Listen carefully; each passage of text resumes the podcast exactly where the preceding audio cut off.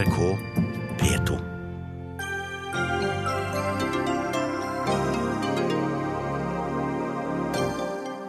Flere titalls mennesker er funnet døde i en lastebil i Østerrike.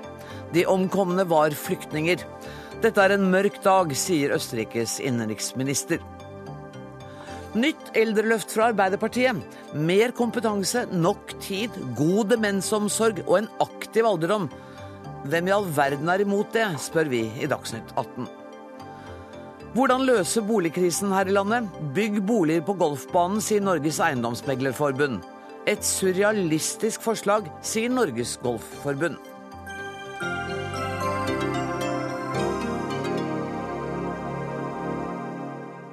Dette er torsdagsutgaven av Dagsnytt 18, der vi også skal høre hvordan lederen av OECDs utviklingskomité mener at fattigdommen i verden kan utryddes. Erik Solheim kommer til Dagsnytt 18. Men aller først. Flere titalls mennesker er altså funnet døde i en lastebil i Østerrike, ifølge den østerrikske avisen Kronen Zeitung. Lastebilen var parkert på en motorvei og har stått der siden i går, men det ble ikke slått alarm før i dag. Politiet sier at de omkomne er flyktninger, og at dødsårsaken trolig er kvelning. Jan Espen Kruse, utenriksmedarbeider i NRK. Du er i Østerrike og i nærheten av lastebilen. Hva er det siste du vet? Ja, eh, Myndighetene og politiet fraktet lastebilen inn eh, på et av Vegvesenets anlegg. Den står nå eh, inne i en garasje like her borte. Det er teknikere i, i hvite dresser som undersøker lastebilen og de døde akkurat nå. En talsmann for det østerrikske politiet han sier til oss at det anslagsvis er 20 20-30 eh, omkomne i denne lastebilen. Eh, men det kan eh, være et høyere tall også, sier han. Han antyder at det kan være mennesker, flyktninger fra Syria og Afghanistan, uten at det er helt, helt bekrefta. Så arbeidet pågår her nå. Vet, Har politiet sagt noe om hvor man mener at disse flyktningene var på vei? Nei, eh, men eh, alt tyder jo på at eh, de kom østfra, fra Ungarn. Denne lastebilen hadde ungarske skilter, så, og det er jo den veien flyktningene reiser. Vi har selv kjørt gjennom nesten hele Ungarn på vei til Østerrike hit i dag, og vi har sett flyktninger til fots langs veien. Vi har sett dem i, i busser, og sånn at vi har sett dem på bensinstasjoner osv. Så sånn at eh, det, det, er, det er eh, denne veien til Vest-Europa alle vil. Det har vært antyd, mer enn antydet at det er menneskesmuglere som står bak. og Så vidt jeg leste, så er det store politistyrker nå som jakter på uh, sjåføren eller ansvarlige. Hva vet du om det? Nei, eh, eh, Myndighetene her i Østerrike de sier jo at dette er en forferdelig eh, forbrytelse, og at de sier rett ut at det er, at det er menneskesmuglere som har tatt betalt for å frakte menneskene, og så, eh, og så forlatt dem i, i, denne lastebilen. Eh, det er jo litt uh, usikkert om, om, de har omkommet av surstoffmangel på veien, eller mens de har stått parkert her i Østerrike. Tusen takk skal du ha, Jan Espen Kruse. Jørgen Karlingen, du er forsker ved PRI og har forsket mye på dette, dette faktumet menneskesmugling. Og det er jo ikke første gang vi hører eh, om slike episoder. Altså I august så var det vel 85 personer som ble funnet innelåst og forlatt i et kjøretøy. De overlevde, men var i, i svært dårlig forfatning. Hvor alvorlig ser du på disse hendelsene? Det er jo selvfølgelig alvorlig hver gang det skjer, uansett om det er ett og ett menneske som dør, eller, eller, mange på en gang. Jeg tenkte med en gang på det som skjedde for 15 år siden i Dover, da en container med 58 kinesere ble funnet. Alle var omkommet av, av surstoffmangel. Eh, og det skjer jo av og til når man frakter mennesker i eh, det som i utgangspunktet er ment for eh, å frakte last, mm. og det ikke er dimensjonert for ventilasjon f.eks., eller det blir temperaturer som gjør det umulig å overleve, at, at folk dør. Så det har vi jo sett både i, med landtransport sånn som dette, men også en del av de som har omkommet på sjøen, har jo ikke druknet, men uh, blitt utsatt for giftige gasser eller ikke fått luft fordi de har, har reist eh, som om de var gods. da. Nå hører vi jo eh, også i internasjonale medier at politikere sier at vi må slå hardere ned på menneskesmuglerne. Strengere straffer. Ja, og det er jo blitt en, en ond sirkel. ved at man, Det er det man griper til, for det er der man på en måte kan vise handlekraft og vise at man slår ned på menneskesmuglerne. Men det betyr ofte at de må eh, finne nye måter å omgå myndighetene på, at det da utsetter flyktningene for stadig større farer. Sånn at det, Selv om det nå på en måte framstilles som at man går etter de forbryterne som påfører flyktningene disse lidelsene, så gjør det også at de nye flyktningene som kommer, vil ha enda vanskeligere for å finne den hjelpen de trenger for å ta seg inn til Europa, og bli utsatt for enda større risiko. Mm. Fordi at menneskesmuglerne nå også tar større risiko ved å smugle mennesker. Eh, fordi at straffene blir høyere, så går det i andre omgang ut over eh, flyktningene. Ja. Men hvordan, hvordan, skal man løse dette, da? Nei, det er, det er forferdelig vanskelig å løse. Eh, det, men det er noe av grunnen til at, at, myndighetene så raskt griper til det å slå ned på menneskesmugling. Mm. For der, der, er det man kan vise handlekraft og på en måte stille seg på flyktningenes side, selv om man kanskje egentlig ikke gjør noe som hjelper dem. Det, Snarere tvert imot, faktisk. Nettopp, ja.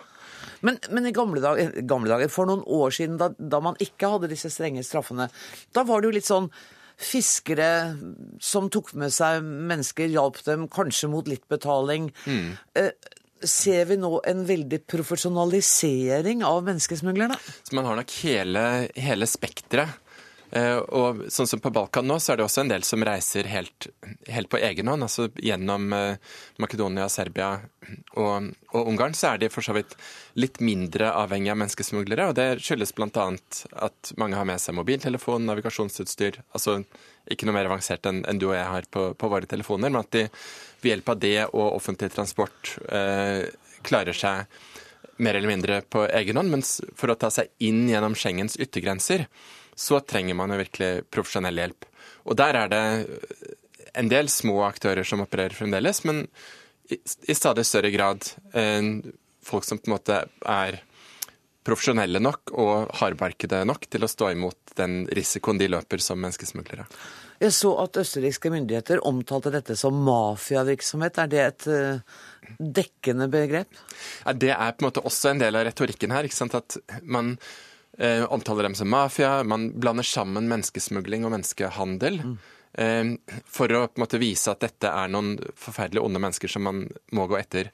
Men vi vet jo ikke ennå hva som faktisk har skjedd. Altså Kanskje er det en, en eh, lastebilsjåfør som mer eller mindre på eget initiativ har sett muligheten til å tjene noen penger, og ikke tenkt over at stapper man masse mennesker inn i dette lasterommet, så får ikke de puste. Mm.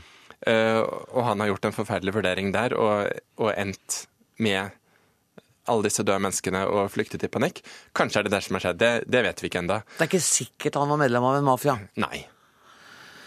Har du noen uh, Petter Smart-løsning på dette? Hvordan skal man komme dette til livs?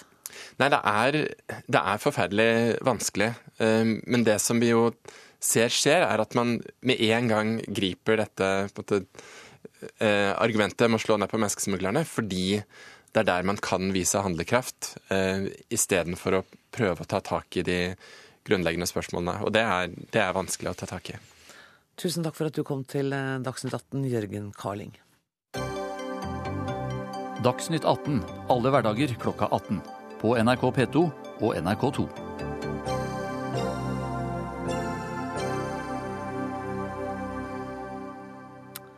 Så til hjemlige og langt mer eh, rolige eh, forhold.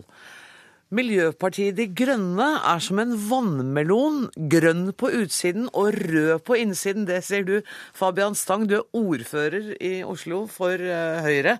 Vi har hørt tilsvarende analogier før om uh, kommunister som skulle late som de var kommunister og ble sett på som reddiker. De var røde utenpå og hvite inni. Mener du virkelig at Miljøpartiet De Grønne er helt rød inni? Ja, nå må jeg først være ærlig på at uh, den eh, metaforen er ikke min. altså Jeg har stjålet den av noen. Men ja. jeg syns den er ganske god. Og du falt god. litt for den? Ja, jeg falt for den fordi at jeg som ordfører så ser jeg hvordan Miljøpartiet i Oslo stemmer. Uh, og, uh, det er ikke noe galt i det å stemme sosialistisk, men ja, 80% av tilfellene så stemmer Miljøpartiet sammen med Rødt og tidvis SV og Arbeiderpartiet. Og det syns jeg det kan være ålreit at Miljøpartiet er ærlig på. Altså, Miljøpartiet vil boikotte Israel og, og sånt noe. Det, det, er jo fair politisk standpunkt, men da, da, tror jeg ikke man skal si at man er uavhengig. Mm. Lan Marie Njen Berg, du er førstekandidat for Miljøpartiet De Grønne i eh, Oslo. Eh, har ordføreren et riktig inntrykk av dere? Nei, han tar helt feil, og det virker jo som om da Fabian og Høyre ikke har fulgt med helt, eller har misforstått vår politikk litt. Vi er jo først og fremst et grønt parti, og vi bygger jo vår ideologi på naturens bærekraft som det eneste partiet i Norge. Vi vil jo at Norge skal ut av oljeavhengigheten og inn i det grønne skiftet. Og hvis det er to partier som er like uh, der at de ikke vil gjøre det, så er det jo nettopp eh, Høyre og Arbeiderpartiet som er veldig like. Og det hadde vært en mye mer interessant diskusjon, diskutere hvor like de er, istedenfor eh, hvor vi er, da. Jo, men det er interessant å høre dere, for det dere helst vil er jo å snakke om eh, rene klimaspørsmål. Men politikken er jo veldig mye mer enn det. Og som Fabian Stang sier, dere har også stemt for å boikotte Israel. Ja, Vi har jo eh, også solidaritet som en del av eh, vår politikk. Og Der kan du kanskje si at vi er mer like venstresiden. Men så har vi også en veldig eh, progressiv politikk på næringsliv. Vi ønsker å bygge det grønne næringslivet, de nye klimajobbene, og f.eks. da eh, frita eh, eh, nye bedrifter for arbeidsgiveravgift de første tre årene. Vi vil ha et såkornfond for nye grønne bedrifter, og det tror jeg vi kan snakke med Høyre om. Et annet eksempel er jo skolepolitikken. Vi er litt kritiske til heldagsskolen, og vi er åpne for private aktører så lenge de ikke, um, så lenge de ikke tar ut profitt, og så lenge det ikke går utover det offentlige tilbudet. Ordfører, det er jo et par ting her som dere kunne samarbeide om? Ja da, det er veldig hyggelig. Men det er noen ideologiske skiller i norsk politikk. F.eks. innenfor skole. Så eh, på innholdet så ønsker vi på høyresiden å ha etterutdanning av lærere fremfor å ansette flere lærere. Og Miljøpartiet stemmer med sosialistene på at det skal være flere lærere fremfor enda bedre lærere. Eh, når det gjelder å bygge skolene, så ønsker vi at noen private innimellom skal, eh, skal gjøre det, i tillegg til det det offentlige bygger, for at vi skal lære av det private, f.eks. å få bedre miljøløsninger på bygningene. Og da stemmer Miljøpartiet sammen med sosialistene. Så, men, men, det, men, det er ikke noe galt i det. Altså, Nei, jeg hører du sier det, men det jeg skjønner at det kanskje Det er ikke straffbart å være sosialist, men det er fair å være ærlig. Er dere ikke helt ærlige? Nei, jeg mener at vi er helt ærlige når vi sier at vi er et grønt parti. Og det her har vi jo sett bl.a. i Sverige. Hvis vi først skal snakke om statistikk, da, for nå har vi bare sittet med én person i Oslo bystyre i fire år, vi har vokst veldig kjapt i, i, Norge. Så det er mye bedre å se på statistikk ved å se til Sverige, da. Uh, og der har vi jo stemt uh, Eller der har vi samarbeida med mange partier over mange år, og stemt 60 uh, eller samarbeida 60% med venstresida og 40% med høyresida. Og um, i Oslo bystyre så har vi bare sittet sittet i fire år, og vi har vært i opposisjon. og Da er det jo ikke så rart at vi også har funnet løsninger med opposisjonen, istedenfor å bare stemme for politikk som vi ikke har vært med å utforme. Men, men nå gjør dere det jo bra på meningsmålingene. Eh, og, dere kan faktisk komme i en vippeposisjon eh, i Oslo. Mm. Er det ikke da ryddig å være litt tydeligere på hvor man står blokkpolitisk? Eh, vi er jo et parti som er dannet nettopp fordi vi ser klima- og miljøpolitikken som det aller, aller viktigste. Og det vi har sett i Norge de siste mange årene, det er jo at Høyre og Arbeiderpartiet og Frp, det som vi kaller de grå partiene, er utrolig like når det kommer på veldig tunge politikkområder som klimapolitikken, miljøpolitikken, samferdselspolitikken og energipolitikken. Dette her er viktige politikkområder når vi skal sikre sikre Norge, jobbene våre eh, og, eh, og økonomien vår framover eh, når vi, når vi har klimakrisen. Og vi ser jo at Arbeiderpartiet, og Høyre og Frp har stemt helt likt for å utvinne olje i 23. konsesjonsrunde. De har stemt helt likt for å ha mer, for å ikke stoppe kapasitetsøkende veier inn til storbyene. Og de har stemt helt likt mot at E18 skal være en del av klimaforliket på Stortinget rett før sommeren. Nå må jeg slippe til representanten for de grå partiene. Fabian Sang. Jeg er blitt, jeg er blitt 60 år, jeg, så begynner å bli gammel og grå. Men, men vi, vi, vi, eh, Det er klart at uh, tildeling av konsesjoner på norsk sokkel er, er, utrolig viktig. Men i Oslo driver vi jo ikke så mye med det. Det vi driver mye med, det er skole. Eh, ta vare på ungene våre. Og der har vi ideologiske skillelinjer. Hvordan vi skal vinne frem. Vi har vært heldige og fått lov til å styre en stund. og Eh, jeg mener det har vært forholdsvis vellykket og ønsker å videreføre det. og Da tar jeg til etterretning at Miljøpartiet er uenig med oss når det gjelder hvordan Oslo-skolen skal utformes. Er du bekymret for meningsmålingene som Miljøpartiet De Grønne oppnår nå? Nei, da tror jeg heller vil si at eh, det må være kjempegøy for dere å få så gode målinger. Altså, det, det unner jeg folk som driver i politikken. Det er jo derfor vi holder på. Vi ønsker å få folk med oss. Men, eh, men Er du bekymra for å få dem på vippen, da? Eh, det, nei, det er jeg ikke. fordi jeg oppfatter Miljøpartiet som et sosialistisk parti. Så de er etter min mening ikke på vippen. De er, er på, på, den røde side. Og, og, igjen, det er ikke noe gærent i det, men, men jeg syns man skal være ærlig på det. Jeg synes jo at uh, Det her viser jo nettopp at Fabian ikke har forstått hva vi står for. fordi vi setter jo klima- og miljøpolitikken først. Vi har flere ganger sagt at vi gjerne vil prate med dere etter valget dersom vi skulle komme på vippen. Og jeg har lest i ditt program, og der ser jeg jo at dere ønsker å gjøre Oslo til verdens beste klima- og miljøby. Og der tror jeg vi har veldig mye mer å snakke om enn det dere har å snakke om med Frp da, og Carl I. Hagen, som er jo klimafornekter. Men er det sånn at dere ikke snakker så godt sammen utafor møterommet? Kanskje dere skulle gjøre det, Stang? Nei da, altså Det er jo Harald Nissen som har sittet for Miljøpartiet i, i, bystyret nå i denne perioden. Jeg har sett hvordan han og da partiet har stemt. Jeg har et meget eh, godt forhold til han som person, men, men, men han stemmer sosialistisk. og Sånn er det. Vet du, Vi har fått inn en kommentator. Det er veldig hyggelig hvis dere blir sittende og høre hva Kjetil Alstadheim har å si. For i Dagens Næringsliv i dag så sammenligner du politisk redaktør Kjetil Alstadheim, Miljøpartiet De Grønne, med den grønne tegneseriehelten Hulken, og kaller dem uforutsigbare. Har du fått det Har du blitt bestyrket i din vurdering nå, etter å ha hørt dette? Eh, vi har, vi har, en måling i dag, så jeg har skrevet en kommentar om den. Mm. Der de, de, eh, Miljøpartiet får 6% Det er en stortingsvalgmåling. Nå er det to år til stortingsvalget, og vi er midt i en kommunevalgkamp. Men det bekrefter jo den trenden vi ser på en del eh, kommunemålinger også, at Miljøpartiet ser ut til å bli en vinner i høst, og kan bli det i 2017. Uh, og da, da, er spørsmålet hva, hva, vil de gjøre hvis de kommer i en posisjon der de faktisk kan påvirke, der de kan, kan velge om uh, Fabian Stang skal få fortsette som ordfører og eh, f.eks. i Oslo, eller Stian Berger Østland skal, og da Stian Berger Østland skal få fortsette som byrådsleder, og hva som skjer i 2017 hvis eh, Miljøpartiet kommer inn eh, og kan komme i en forhandlingsposisjon. Og det, det vet vi jo litt lite om. Og Grunnen til det er at vi, de, har, de, har, bare én på Stortinget, og har bare vært der to år. Og de har ikke mange i kommunene heller.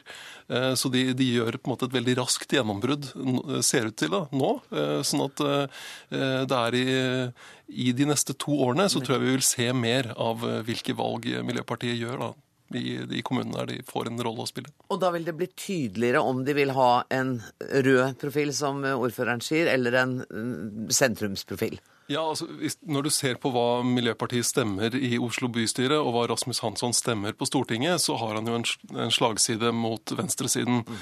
Og så kan man forklare det med at uh, du har et blått regime i Oslo, og du har en blå regjering uh, på riksplan. og Da er det på en måte naturlig at et opposisjonsparti uh, ofte stemmer noe annet, mm. når det ikke er en del av flertallet. Men vi ser jo også ellers i Europa at grønne partier stort sett ligger på, på venstresiden.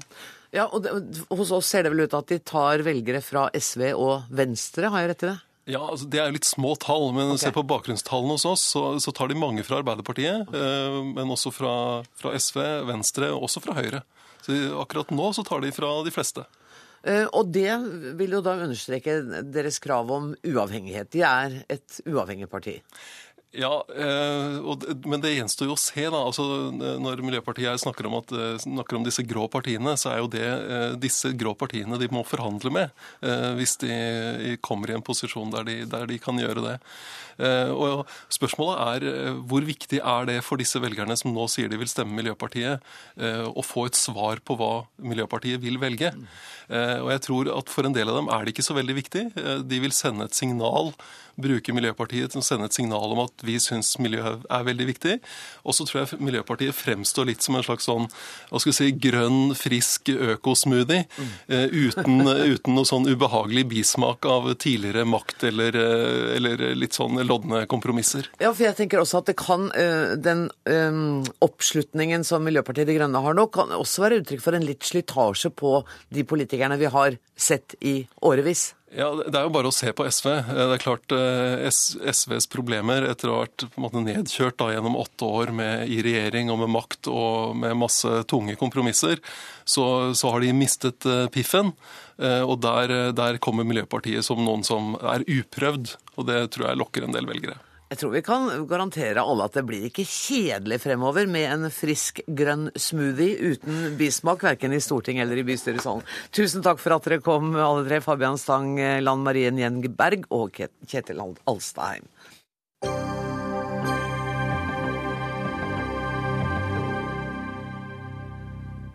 Mer politikk skal det bli. Løfter om mye bedre eldreomsorg, er det noen som har hørt det i valgkampen? Det er mulig, det. Men i dag presenterte Arbeiderpartiet en firetrinnsplan for en bedre eldreomsorg. Torgeir Micaelsen, stortingsrepresentant og helsepolitisk talsperson for Arbeiderpartiet. Dere vil ha en styrket og målrettet innsats på kompetanse og nok tid for dem som jobber der. Dere vil utvikle og ta i bruk velferdsteknologi. Dere vil bygge ut en god demensomsorg og legge til rette for livsglede og en aktiv alderdom. Det er nesten så jeg begynner å glede meg. Hvem er det som er imot dette her? Nei, det, nei, unnskyld, det er det jo heldigvis ikke så mange som er imot. Nei, og jeg kunne jo nå glede både deg og lyttere og seere med et stort foredrag om alt som vi har gjort før for å styrke norsk eldreomsorg. For det har faktisk skjedd veldig mye de siste årene. Men jeg har jo også vært blant de som kanskje sterkest, da, både i Arbeiderpartiet og i Norge, tatt selvkritikk på at vi ikke har nådd de målene vi satte oss før. For dette er et komplekst og alvorlig tema, og svært tema. Men vi kan jo ikke legge oss ned, tenker jeg. Selv om vi ikke fikk til alt forrige gang, så må vi forberede oss nå på at eh, når du blir gammel, Gro, og, nei, og vi andre eh, ja, kommer, kommer opp i åra, ja, ja så, så, er det mange ting som må skje for at vi som land skal kunne gjøre dette på en ordentlig måte. Og vi har lagt fram våre forslag til hva som kan skje de neste fire årene i dag. Jeg skal gi deg eh, noen sekunder til før jeg slipper til Nikolai Astrup. For det jeg refererte nå, det er du enig det bærer litt preg av en 17. mai-tale. Kan ikke du komme med et par konkrete ting? Jo. Jeg kaller det ikke velferdsteknologi, jeg er mer glad i trygghetsteknologi. Eh, og det vi foreslår helt konkret i dag, er et, eh, et, program på 200 millioner kroner hvert år i fire år, som gjør at de små prosjektene som finnes mange steder i norske kommuner, kan bli mye større og rulles ut til langt flere. Så det er ett konkret. Og hvis du er glad i underholdning og god kultur, så foreslår vi 50% økning i den såkalte kulturelle spaserstokken, fordi vi også skal ha glede av musikk og andre ting når vi blir eldre. Det prøvde for øvrig regjeringen å ta livet av bare for eh, kort tid siden, så det kan de kanskje forsvare nå etterpå. Ja, det, skal Nikolai Astrup få sjansen til. Eh, hva var din reaksjon på denne firetrinnslista til Arbeiderpartiet i dag? Ja, Det er jo helt umulig å være uenig i dette, særlig fordi at det aller meste av det er vi jo allerede i gang med. Og på veldig mange områdene er vi mer konkrete og mer ambisiøse enn det Arbeiderpartiet legger frem. Så forstår jeg at uh, brent barn skyr ilden, og at Arbeiderpartiet har brent seg på store løfter før. 12 000 sykehjemsplasser osv., som endte med 567 plasser. Men eh, jeg syns på mange måter at dette er eh, litt skuffende at ikke de har større ambisjoner for norske eldre. 200 millioner i året? Ja, at Velferdsteknologi er veldig viktig, og derfor har regjeringen sagt at vi nå lanserer en nasjonal, en nasjonal program for nettopp velferdsteknologi frem mot 2020. Eh, på 200 millioner i året? Det er noe mange eh, Akkurat på det punktet har vi ikke vært konkret på hvor mange millioner vi skal bruke. Nei, Der kan dere se dere er like ukonkrete begge to. Nei, men de, Erna Solberg var meget konkret for bare fire dager siden på at vi skal utdanne 15 000 nye helsefagarbeidere og etterutdanne 15 000 sykepleiere. Det er et veldig konkret og ambisiøst løfte for å heve kompetansen i hele omsorgssektoren. Innen når da? Ja, Det er innen 2020. Akkurat. Så 2020 er grensen for det. Det er jo dere også enige, går ut fra? Det er vi veldig enige i, men det, som, eh, det er ikke så veldig vanskelig å lage eh, sånne type lister. For vi er ganske enige på tvers av partiene om hva som skal til. Og det er bra. Ja, Det tenker jeg også er bra. Men hvorfor jeg, skjer ikke noe da, lurer jo jeg på? Jeg aksepterer ikke det premisset. Jeg mener at, eh, jeg, Og jeg kan godt da igjen trette deg med et stort foredrag om hva som har skjedd i løpet av de åtte årene vi styrte, men jeg syns ikke det er så veldig interessant. Regjeringen gjør mye bra. Vi gjorde mye bra. Regjeringen gjør ikke alt bra. Vi har også mye å gå på. Og Derfor sier vi at den største oppgaven vi har, det er å skaffe som Astrup sier, nok kompetente, kloke ansatte. Og da må vi stille oss spørsmålet, jeg beklager å komme tilbake til det, hva skal vi bruke de store pengene til i Norge? Skal vi bruke det på å gi 12 milliarder kroner i skattekutt? Ja. Eller skal vi bruke det på 3,5 milliarder kroner ekstra til kommunene som tross alt skal ansette disse menneskene de neste årene? Ja. Vi foreslår det siste. Ja, men det er ikke noe å riste på hodet. Det, det, det er, men dette kommer opp hver eneste gang, uansett hva vi snakker men, men, om. Og denne gangen tenkte jeg at vi skulle få lov å snakke om eldreomsorg. Ja, fordi noen av oss som har fulgt med i en del valgkamper, så har eldreomsorg vært honnørordet hver eneste gang. Så jeg leste med interesse i dag eh, planen deres. Og følg med nå, mine herrer. Vi vil koble pilotprosjekter, implementering og offentlige innkjøp gjennom økt bruk av innovative offentlige anskaffelser i regi av kommunene gjennom en risikoavlastende tilskuddsordning på 200 millioner kroner per år for å sikre forutsigbar etterspørsel, utvikling og implementering av velferdsteknologi. Det var ikke det godt sagt. Hvem har dere skrevet dette for?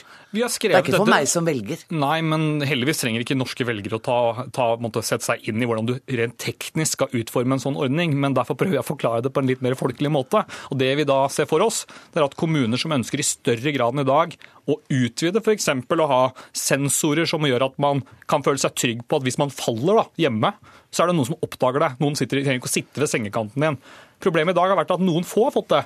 Men for at langt flere skal få det, så foreslår vi et eh, ja, opptrappingsprogram på 200 millioner kroner i året slik at kommuner som vil satse, kan få tilskudd til dette gjennom denne ja, litt byråkrat... Jeg er enig i at det var litt byråkratisk skrevet, men det er i hvert fall poenget. Og det syns jeg er eh, en ganske moderne måte å tenke på, og er i tråd med det mange kommuner nå planlegger morgendagens eh, eldrepolitikk etter. Men det, det, du har snakket om da to ganger, er disse 200 millionene til denne teknologien, og ja. egentlig fint lite annet? Når det gjelder de nok kompetente ansatte eh, med både kloke hoder og varme hender, så mener vi at eh, vi skal følge regjeringen på det. Vi har fått litt svake svar på hvordan det rent skal finansieres, det løftet som Høyre kom med sist. Men det bygger jo igjen på det som vi foreslo i regjering, som heter Kompetanseløft 2015. Så det er jo på en måte heldigvis, da.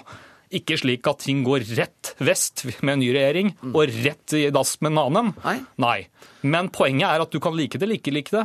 Det er rett og slett slik at du må også ha penger til å betale for dette, og det er det store spørsmålet i norsk politikk. Mm. Hvordan skal vi finansiere at alle eldre skal få en god eldreomsorg av folk i framtida. Ja, og jeg registrerer at i hvert fall så er eh, verdighetsgarantien ikke lenger verdt papirene er skrevet på. Eh, alle partier er jo ja, Jeg er litt usikker på hvordan det er med Høyre Frp, om de syns den var bra nok, men eh, den er nå fortsatt i drift, og den er i stand til å kunne levere god eldreomsorg mange steder. Men spørsmålet er bare skal vi bare lene oss tilbake og si nei, dessverre, vi fikk ikke alt til sist. Da får vi bare si rekke handa været, si nå nei, blir det ikke noe mer. Vi må ha større ambisjoner enn som så. Og igjen, jeg aksepterer ikke premisset om at det ikke har skjedd ganske mye, både under dagens regjering og under forrige regjering. Okay. Astrup. Ja, og det er veldig bra at Arbeiderpartiet tar selvkritikk eh, på eh, hva de gjorde i forrige regjering. Eh, men jeg, la meg peke på en ting. I denne planen så ligger det da at man skal satse bl.a. på å utvide kapasiteten for heldøgns pleie og omsorg. Det vi gjorde da vi kom til makten, var at vi økte det statlige investeringstilskuddet kraftig. Slik at det nå gjennomsnittlig gikk fra 35% til 50% statlig investeringsstøtte. Det har gjort at 2014 var det første året hvor Husbankens ramme var fullt ut utnyttet. Eh, og det nær doblet tempoet i utbyggingen i helse- og omsorgssektoren eh, i 2014. Og i 2015 ser det ut til å bli det samme. Og så på velferdsteknologi, veldig uh, bra at de ønsker å satse på det. Det ønsker vi også. 200 millioner høres kanskje mye ut. Deler på 428 kommuner, så er det ikke så uh, mye igjen. Oslo kommune alene har satset 80 millioner kroner bare på dette de siste årene, eh, og er allerede kommet godt i gang. Eh, men det må gjøres mer, helt ja. åpenbart. Og det, med, og det, er bra med, statlig drahjelp. og Derfor er det også slik at uh, også vår regjering vil jo satse på velferdsteknologi og implementere en bred nasjonal strategi for å få det til. Men Oslo Arbeiderparti går til valg på et mye mer offensivt program enn det dere har klart så langt i Oslo. Men det, la nå det ligge. Jeg syns det er hyggelig at du sier at det er hyggelig at jeg tar selvkritikk. Men hvis jeg skulle gi da et vennligsinnet råd tilbake, så er det at når vi styrte landet, Astrup, så var det aldri noe problem da, å få. Ja, unnskyld, da, unnskyld, ja. Du vet, vi har, vi har, vi har, ja, ja, vi har mye å gå på der hjemme om dagen. Det er derfor vi må ha flere og bedre lærere. Eh, men da vi styrte landet, så var det aldri noe problem å få kommunene til å søke om såkalt tilsagn om tilskudd til sykehjemsplasser. De søkte som bare rakkeren, og hvis vi skulle målt på den måten, så var det løftet om 12 000 flere heldøgns bemannede omsorgsboliger eller sykehjemsplasser helt i rute. Problemet er at det er en lang vei fra å søke om noe til å faktisk begynne å bygge. Så jeg ville vært litt forsiktig når dere nå reiser rundt og skryter av disse søknadene om tilsagn om tilskudd. Da kan dere gå i samme fella som ja, andre har gjort før. Vær forsiktig og bruk heller nok penger på kommunene, så vil dette komme etter hvert. Men, men, det er helt åpenbart at når du øker statlige investeringstilskuddet, så er det flere kommuner som har råd til å sette i gang. Og det har vi gjort, og derfor er det flere som har satt i gang. De har, de har satt i gang med å søke, Astrup. De har ikke satt i gang med å bygge. Har de det? Hele den statlige rammen er nå eh, om, for 2014. Om tilsagn om tilskudd? Ja. ja er, det, er, er tilsagn om tilskudd det skjedde aldri under deres regjeringsperiode. Nei, men Det er derfor jeg satt her i dette studiet blant annet, og tok selvkritikk på at vi regnet litt eh, Ja, vi trodde det skulle skje mer. Jeg bare sier vær så snill, ikke fly rundt og skryt av tilsagn om tilskudd en gang til. Bruk heller de store pengene på å gi kommunene ordentlige muskler. Mm. Til å ansette nok kompetente folk, satse på velferdsteknologi og vær så snill, ikke en gang til ta livet av denne eh, spaserstokken vår, som er, gir mye livsglede okay, for mange men, men, la meg, Kan ikke jeg få lov å bare minne dere om for nå, nå, snakker vi mye om søknader og om penger og om bygging. Dette handler altså om mennesker. Mm. Det handler om mennesker som lever i dag, som ikke har den verdigheten dere mener at man skal oppnå i løpet av fem år. Dette eh, har vært snakket om i alle de valgkamper jeg har opplevd som, som voksen. Hva er grunnen til at eh, folk som er eldre skal stole på det dere sier denne gangen, Astrup? Jo, la meg si hvorfor. Fordi vi er allerede i gang med et løft. Ta f.eks. Oslo. Der har man altså utviklet eh, en plan som er i ferd med å rulle ut for et mye mye bedre demenstilbud enn det man har hatt tidligere. Eh, vi har fire pilotsykehjem. Eh, som eh, har en helt annen type aktivitet eh, for de demente enn det de hadde før. Hvor de innreder rommene til og med, slik at det er møbler som de ville kjent igjen fra sin egen tid, den tiden de husker, for å si det på den måten. Det er sportsbar for gutta, det er, det er spa for damene. Det er i det hele tatt, det har utviklet seg ganske mye. Og det fortsetter vi med. Velferdsteknologi er viktig av én grunn. Det er at man kan avlaste rutineoppgaver, slik at de varme hendene kan nettopp være varme mens teknologien kan ta seg av de tingene som mennesker ikke trenger å ta seg av. Eh, og Derfor er det viktig å rulle ut det. Og Nettbrett til eldre er jo eh, mellom alle disse hjemmebesøkene utrolig viktig, fordi man kan holde kontakt med folk utenom, forebygge ensomhet. Automatiske medisindispensere gjør at medisineringen blir riktig til riktig tid. Man trenger ikke sitte og vente på at den kommer hjem for at man skal kunne ta medisinen sin. Eh, man kan ta den eh, automatisk når man skal, ta den med i vesken når man skal ut. Det er, sånne ting er kjempeveldig bra. Ja. Det, Så det skjer noe positivt. Det skjer noe positivt. Og Michaelsen skal også få lov å si noe positivt. Nei, men altså, det var uh, Det var som du skulle sagt det sjøl?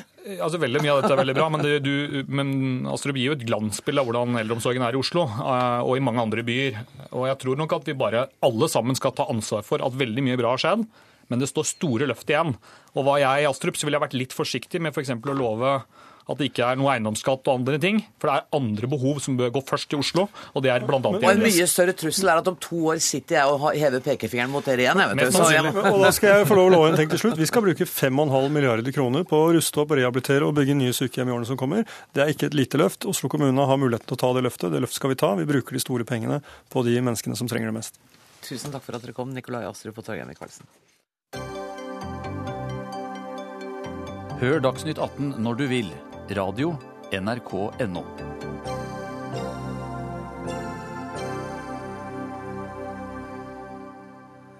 Hvordan skal vi løse boligkrisa her i landet? Eiendomsmeglerforbundet mener å ha svaret, i hvert fall hvis vi tenker på Stor-Oslo. De vil nemlig bygge boliger på golfbaner. Med 172 golfbaner rundt om i landet, og med boligprisvekst i Oslo som har steget med hele 11% det siste året, bør dette være en god idé. Det mener i hvert fall du, Carl O. Geving, leder i Norges eiendomsmeglerforbund. Ja, det er altså sånn at eh, Oslo-regionen er Europas sterkest voksende hovedstadsområde. Og SSBs eh, befolkningsframskrivninger viser at vi kommer til å bli mange flere i dette landet, og en stor andel av oss skal bosettes i eh, Oslo-området. Da trenger vi fortetning. Eh, den eh, voldsomme prispresset som vi ser særlig i Oslo-området, eh, skyldes at det er bygget altfor lite over lang tid. og Det har også sammenheng med at tomter er et knappesgode. Mm. Da må vi gå til forstadskommunene til Oslo. De må bidra. Og Bærum er en av de kommunene som har store eh, arealer som er egnet for omdisponering til boligformål. Og så har vi sett at eh, Golfforbundet har da mistet mange medlemmer gjennom de siste årene. Og Det er åpenbart da en svakere etterspørsel etter golfbaner, mens bolig er da et, et primærbehov som vi ikke klarer å dekke godt nok. Og det, Dette sier du til Dagens Næringsliv i dag, og der sier du også at øh, øh, boligbygging er hot, golf er not. Er du seriøs når du legger fram dette forslaget? Ja, vi er absolutt seriøse. Hvis du går riktig langt tilbake i tid, så vil du kunne se at eh, Bærum er en av de kommunene som har måttet eh, eh, omdisponere store arealer til nettopp boligbygging, fordi utviklingen går. vi blir flere. og Det kommer også til å skje i fremtiden. og Da mener vi at de planene som der ligger for boligbygging, ikke er offensive nok. Mm. Og Da må man tenke nytt. Og det er altså slik at Når golfbaner i sin tid ble altså omdisponert fra jordbruksareal, så har man også også i planene til kommunen sagt at skal man omstille tilbake, hvis golf ikke lenger er lønnsomt, så vil det være mer lønnsomt å bygge boliger enn, enn å eh, da eh, dyrke eh, mat på de jordene. Jeg har en mann sittende i studio her. Du er jo ikke med oss i studio Oslo, så du ser ikke Finn Andreassen, som er president i Norges Golfforbund, og som nå er mildt oppgitt. Det er jeg. Jeg syns det er ganske useriøst. Han sier dette er seriøst, men det er useriøst fordi det egentlig Eiendomsforbundet legger opp til, det er jo å frata folk eiendomsretten. Fordi golfbaner er jo eid av medlemmer, de er eid av aksjonærer. Og da må du jo eksponere, eller du må ekspropriere eiendommen, for så å legge det ut til boligformål. Er det en del av politikken til dere? At dere skal frata folk eiendomsretten? Nei, altså, Man må jo se det sånn at bolig er et primærbehov, og det er et skrikende primærbehov. Særlig i Oslo-området. Eh, golf eh, er et sekundærbehov, og det er fallende. Full forståelse for at du og dine medlemmer eh, ikke syns dette er noe hyggelig forslag, men, men, dette handler jo om prioritering, og politikerne har en stor utfordring i å klare å tilrettelegge for tilstrekkelig boligbygging. Derfor så foreslår vi dette. Men, Geving, vent litt. Altså, En 18-hulls golfbane har jeg prøvd å undersøke i dag dag. Den kan være på fra ca. 500 til 1000 mål stor. Hvor mange boenheter ser du for deg at det kan bli på én golfbane? Ja, Det har jeg ikke eh, tall på. Nei, men Vi men, har det, skjønner du. Med, ja. ja. og Vi har sjekket ut at det er mulig å bygge f.eks. 9000 eh, boligenheter av 100 kvadratmeter på en sånn eh, golfbane. Finn Andreassen, meg kan jeg få lov til å bare legge til at Bærum kommunes eh, utbyggingsplan, eh, som går fram til 2030, innebærer at de skal bygge 600 boliger hvert år, og det vil si 9000 i sum. Så Det betyr at én golfbane kan altså dekke det dobbelte. Finn Andreasen, det er, viktigere, det er viktigere å bo enn å spille golf? Det kan du godt si, men jeg tror de aller fleste politikere er klokere enn det som uh, Geving er her. Ser, de ser verdien av at man skal ha uh, områder for rekreasjon, for naturopplevelse, man skal ha grønne lunger. Hvis det var så enkelt som det Eiendomsmeglerforbundet legger opp til, så burde man jo øyeblikkelig har bygd ut Central Park i New York og Regent Park, og for den saks skyld Frognerparken. Men det er jo ikke sånn samfunnet fungerer. Altså De har muligheter til mosjon og til rekreasjon og den type ting er faktisk veldig viktig, og det ser politikerne heldigvis. Ja, altså Vi er helt enig i at grønt eh, areal og rekreasjonsområder er veldig viktige.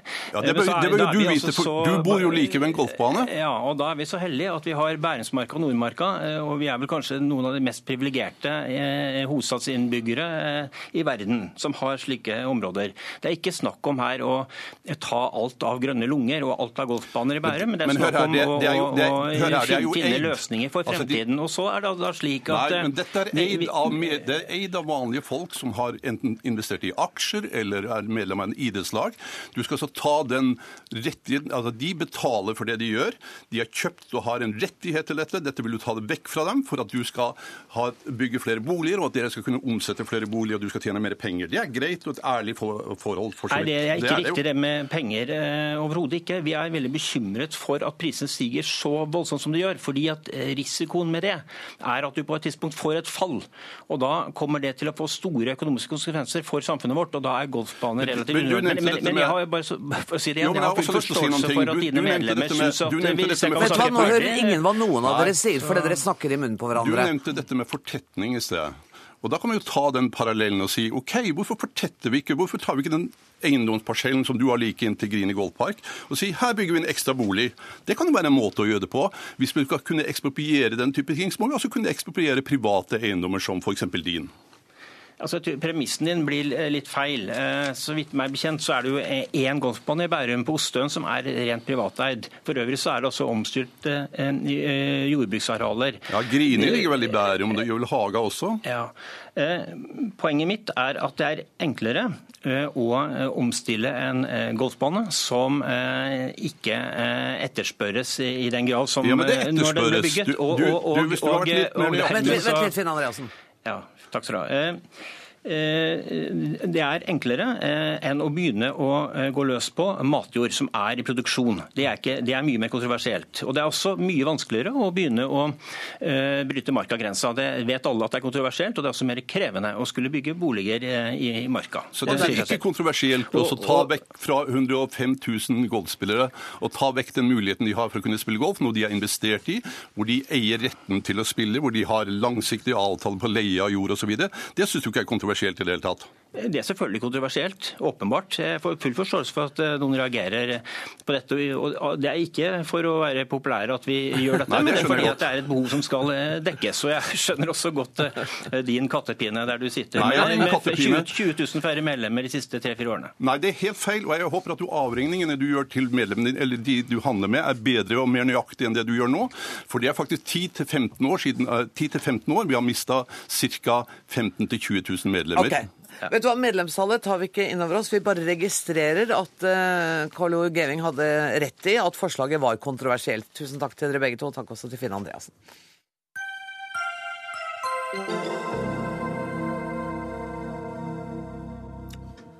Kan ekstrem fattigdom avskaffes? Et av forslagene til FNs tusenårsmål er å utrydde ekstrem fattigdom innen 2030. Dette var også tema på en konferanse i Oslo i dag, der Erik Solheim holdt foredrag. Velkommen til studio, Erik Solheim. Det er lenge siden du har sittet i dette studio. Begynner å bli en stund siden. Ja. Eh, du er en av dem som har ansvaret for dette som leder av utviklingskomiteen i OECD. Eh, la oss ta dette litt grundig. Hvor fattig er du i dag når du er ekstremt fattig? Slik den offisielle definisjonen er fra Verdensbanken, så er det at du tjener mindre enn 1,25 dollar, la oss si 10 kroner. Så du har under 10 kroner å leve for per dag. Hvis du er en familie på fire, så har du mindre enn 40 kroner. Og hvor mange mennesker lever under denne grensen? Ja, rundt en milliard.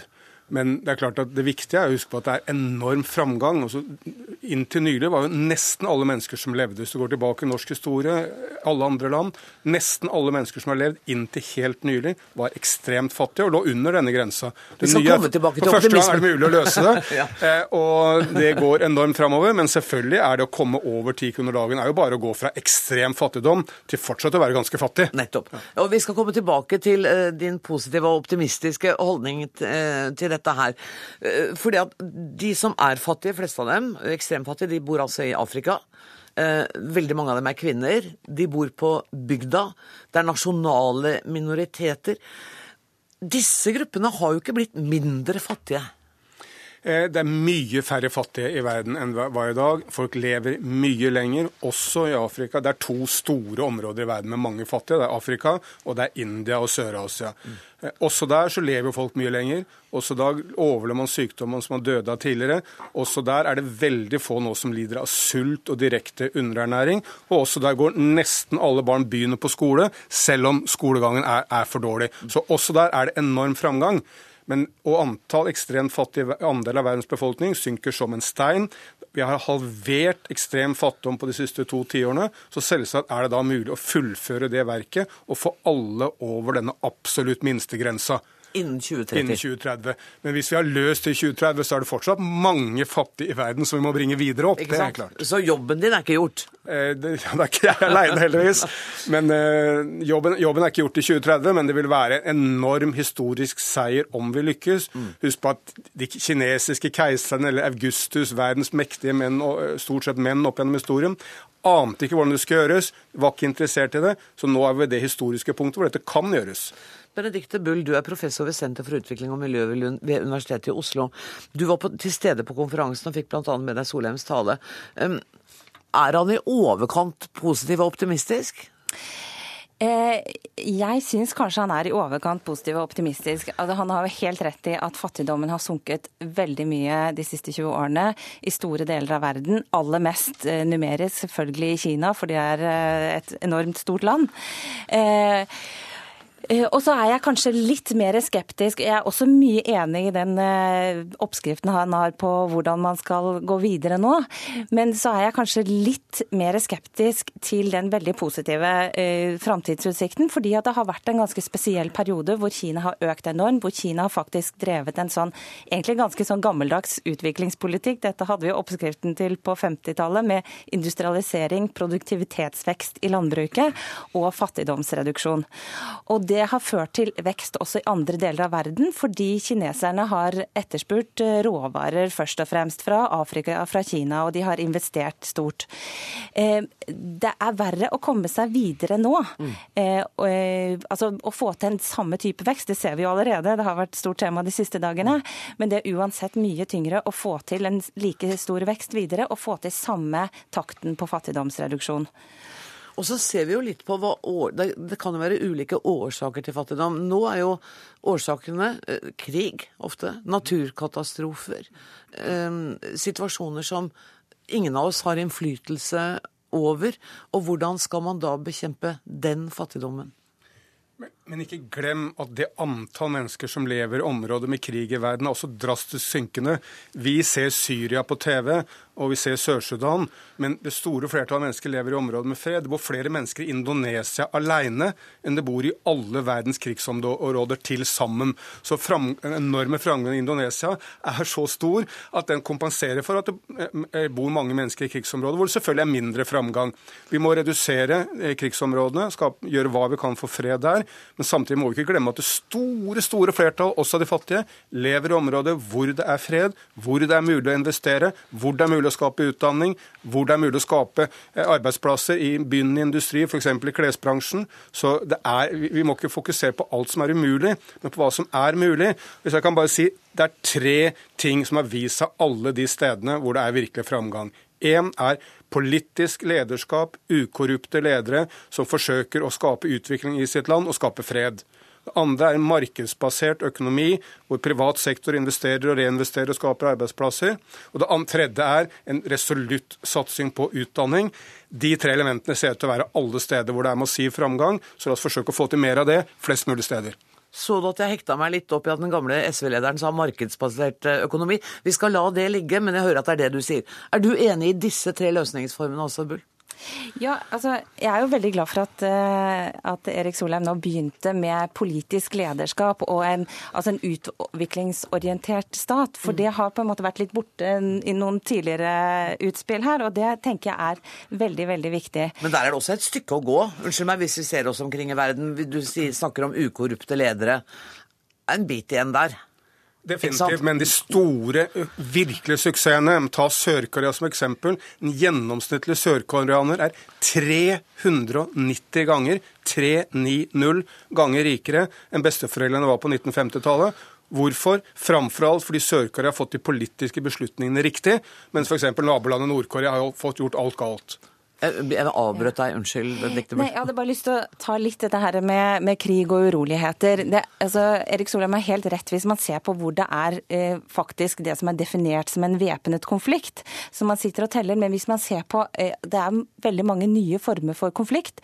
Eh, kriminelle grupper, eh, ja, organiserte kriminelle grupper, terroristgrupper, altså, som er egentlig ikke regnes for å være konfliktområder, men hvor faktisk urolighetene er så stor at, at f.eks. folk driver drives på flukt. En region som jeg jobber med, Latin-Amerika, har økende voldsnivå, men har bare én egentlig gjenværende formell væpnet konflikt, som kanskje også snart tar slutt i Colombia. Og så tenker jeg at det er dette her med politisk lederskap og, og en statlig, stat som driver det fram, er veldig viktig. Men det store spørsmålet er jo hvordan det skapes, og hvordan, hvordan får man til det? Mm. Og da, Det er jo for det første veldig veldig vanskelig å gjøre utenifra.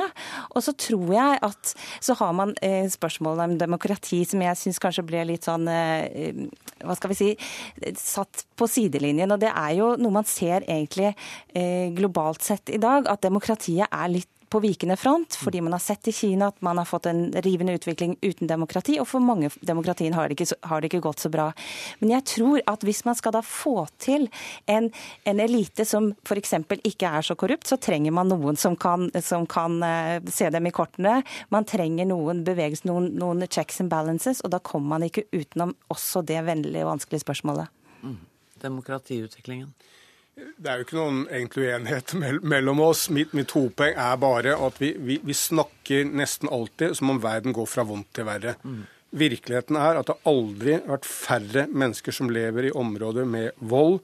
Aldri vært noe tidspunkt i verdenshistorien hvor det enkelte mennesket har vært i så liten fare for å komme i krig og konflikt, for å komme i voldtekt, for å, komme, for å, bli, for å bli drept Vold er drastisk redusert. Fattigdom er drastisk redusert. Fra da du, Anne, eller jeg ble født, eh, da var forventet levealder på jorda 46 år. Jeg vet ikke akkurat hvilket år du var født, men på 1950-tallet eh, var forventet levealder på jorda 46 år. Når du ble født, kunne du regne med å bli 46. Nå kan du regne med å bli 70. Altså på én lang generasjon. Fra Adam og Eva til du og jeg ble født, så var det nesten ikke framgang på jorda. Så har det gått opp på den måten. Så Vi må ikke glemme den enorme framgangen. og Grunnen til at det er viktig å tenke på framgangen, er jo at hvis vi skal forsterke den inn i framtida, må vi gjøre mer av det som har virket opp til nå. Vi må gjøre mer av det. og jeg tenker at For de eh, stakkars menneskene som lever i krig og konflikt, så er det en fattig trøst at det er bedre enn det var for 100 år siden. Det hjelper ingenting om du og jeg kommer til mor i Syria eller Sør-Sudan som så barnet hennes dø i går, og forteller at gjennomsnittlig er det fredeligere og bedre på jorda. Eh, det er sant, men det hjelper en ikke. Ja. Tusen takk for at dere kom til Dagsnytt 18, Erik Solheim og Benedicte Bull.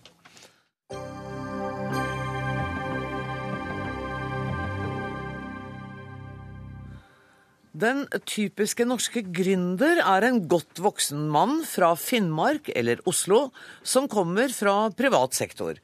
Ungdom og kvinner er åpenbart ikke særlig interessert i å starte egen virksomhet.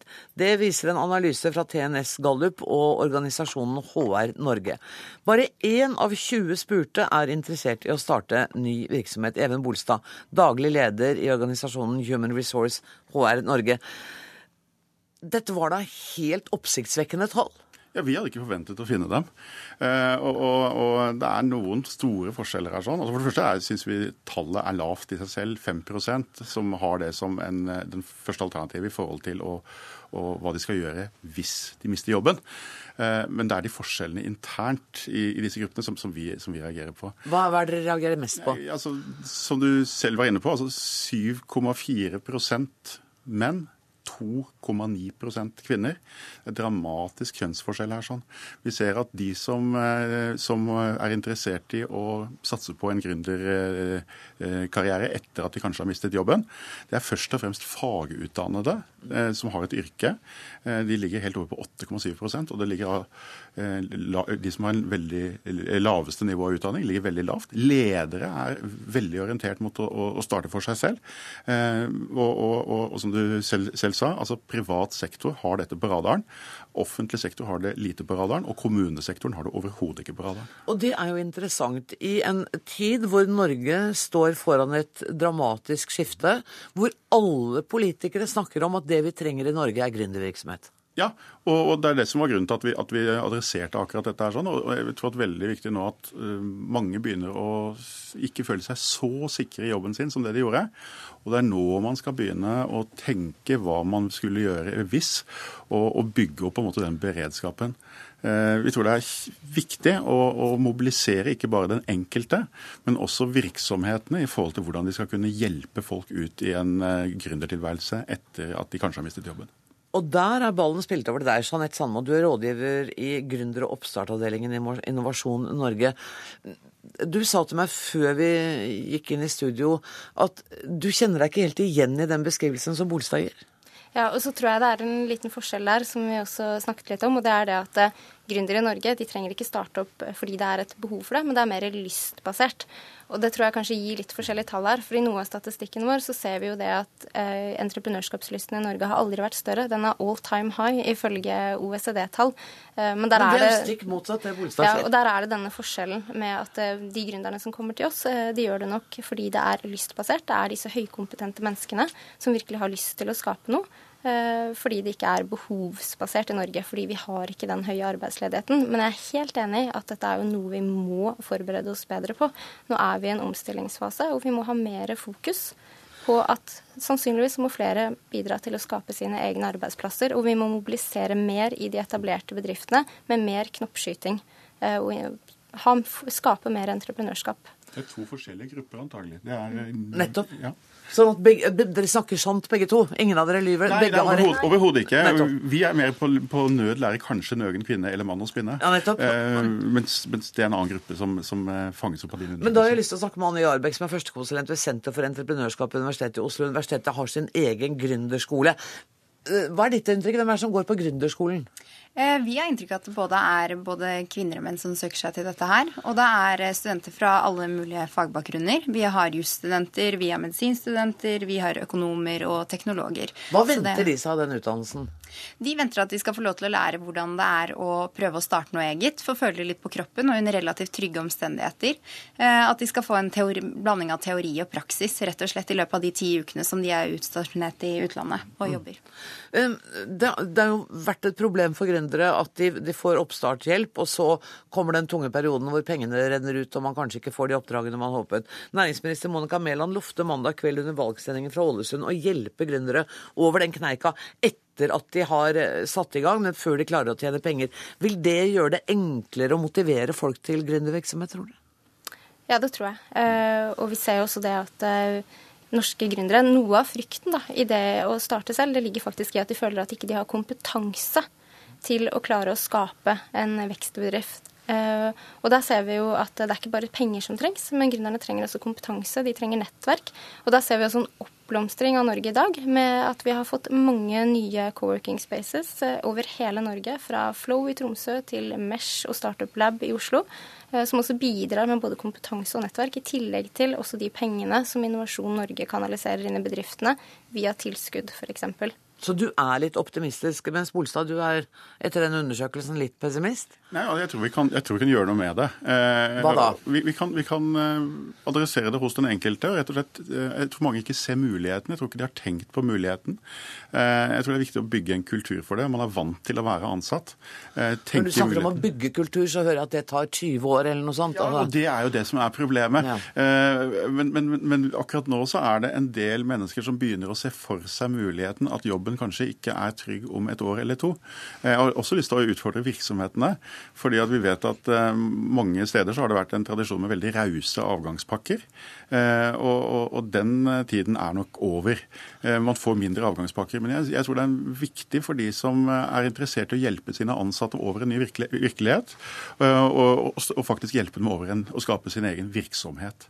Anne Jarbekk, merker dere at det er en større interesse for gründerskolen enn det har vært? Ja da, vi har mange studenter som søker oss til dette her, og vi har vel utdannet er det 1800 som har vært gjennom dette kurset. Og det er jo litt som Bolstad inne på at eh, vi prøver å skape en kultur for innovasjon og entreprenørskap, og ved tidlig stadie da allerede ved studiealder. Men vet dere noe om hvor mange av de 1800 som har klart å etablere en bedrift? Vi ser at det er veldig mange som sier at de har tenkt å gjøre det, og vi vet også at det er mange som faktisk begynner med det. Eh, nå har ikke jeg direkte tall på Nei. akkurat det, men de aller fleste sier, et stort flertall sier at de har tenkt å starte et eget eh, selskap, og vi ser også at det er mange av de som har gjort det. Jeanette Sammo, hva kan dere i Innovasjon Norge gjøre? Vi ser jo litt av det samme der som Gründerskolen gjør, faktisk. Eh, vi har bl.a. et event som heter Emax Norge for unge gründere, eller unge entreprenørskapslystne fra 18 til 25 år. Der ser vi at ca. halvparten av de som har vært med der fra 2012 til 2014, faktisk har prøvd seg på å starte virksomhet. Er det stort sett spillvirksomhet? Altså det er generelt. Det er nok mye innenfor IT, tech-selskaper. Men vi ser jo en oppblomstring bl.a. rundt educational technology, financial technology Altså utdanning og, og økonomi? Mm. Um, hvor vi ser at det er mye unge gründere. Eh, Norge har et konkurransefortrinn der. Vi er gode på de områdene. Vi ser at det blomstrer på oppstartsscenen. Eh, og vi merker jo en helt enorm pågang eh, av søknader til oss om finansiell og kompetansestøtte. Vet du hva, På den der litt optimistiske tonen har jeg lyst til å avrunde denne sendinga i dag. Og si takk til Even Bolstad, til Anne Jarbekk og til deg, Jeanette Sandmo. Før dere går ut av studio, så må jeg bare skynde meg å fortelle at ansvarlig for Dagsnytt 18 i dag, det var Dag Dørum. Det tekniske ansvaret er det Lisbeth Sellreite som har. Jeg heter Anne Grosvold, ønsker dere alle en riktig god kveld.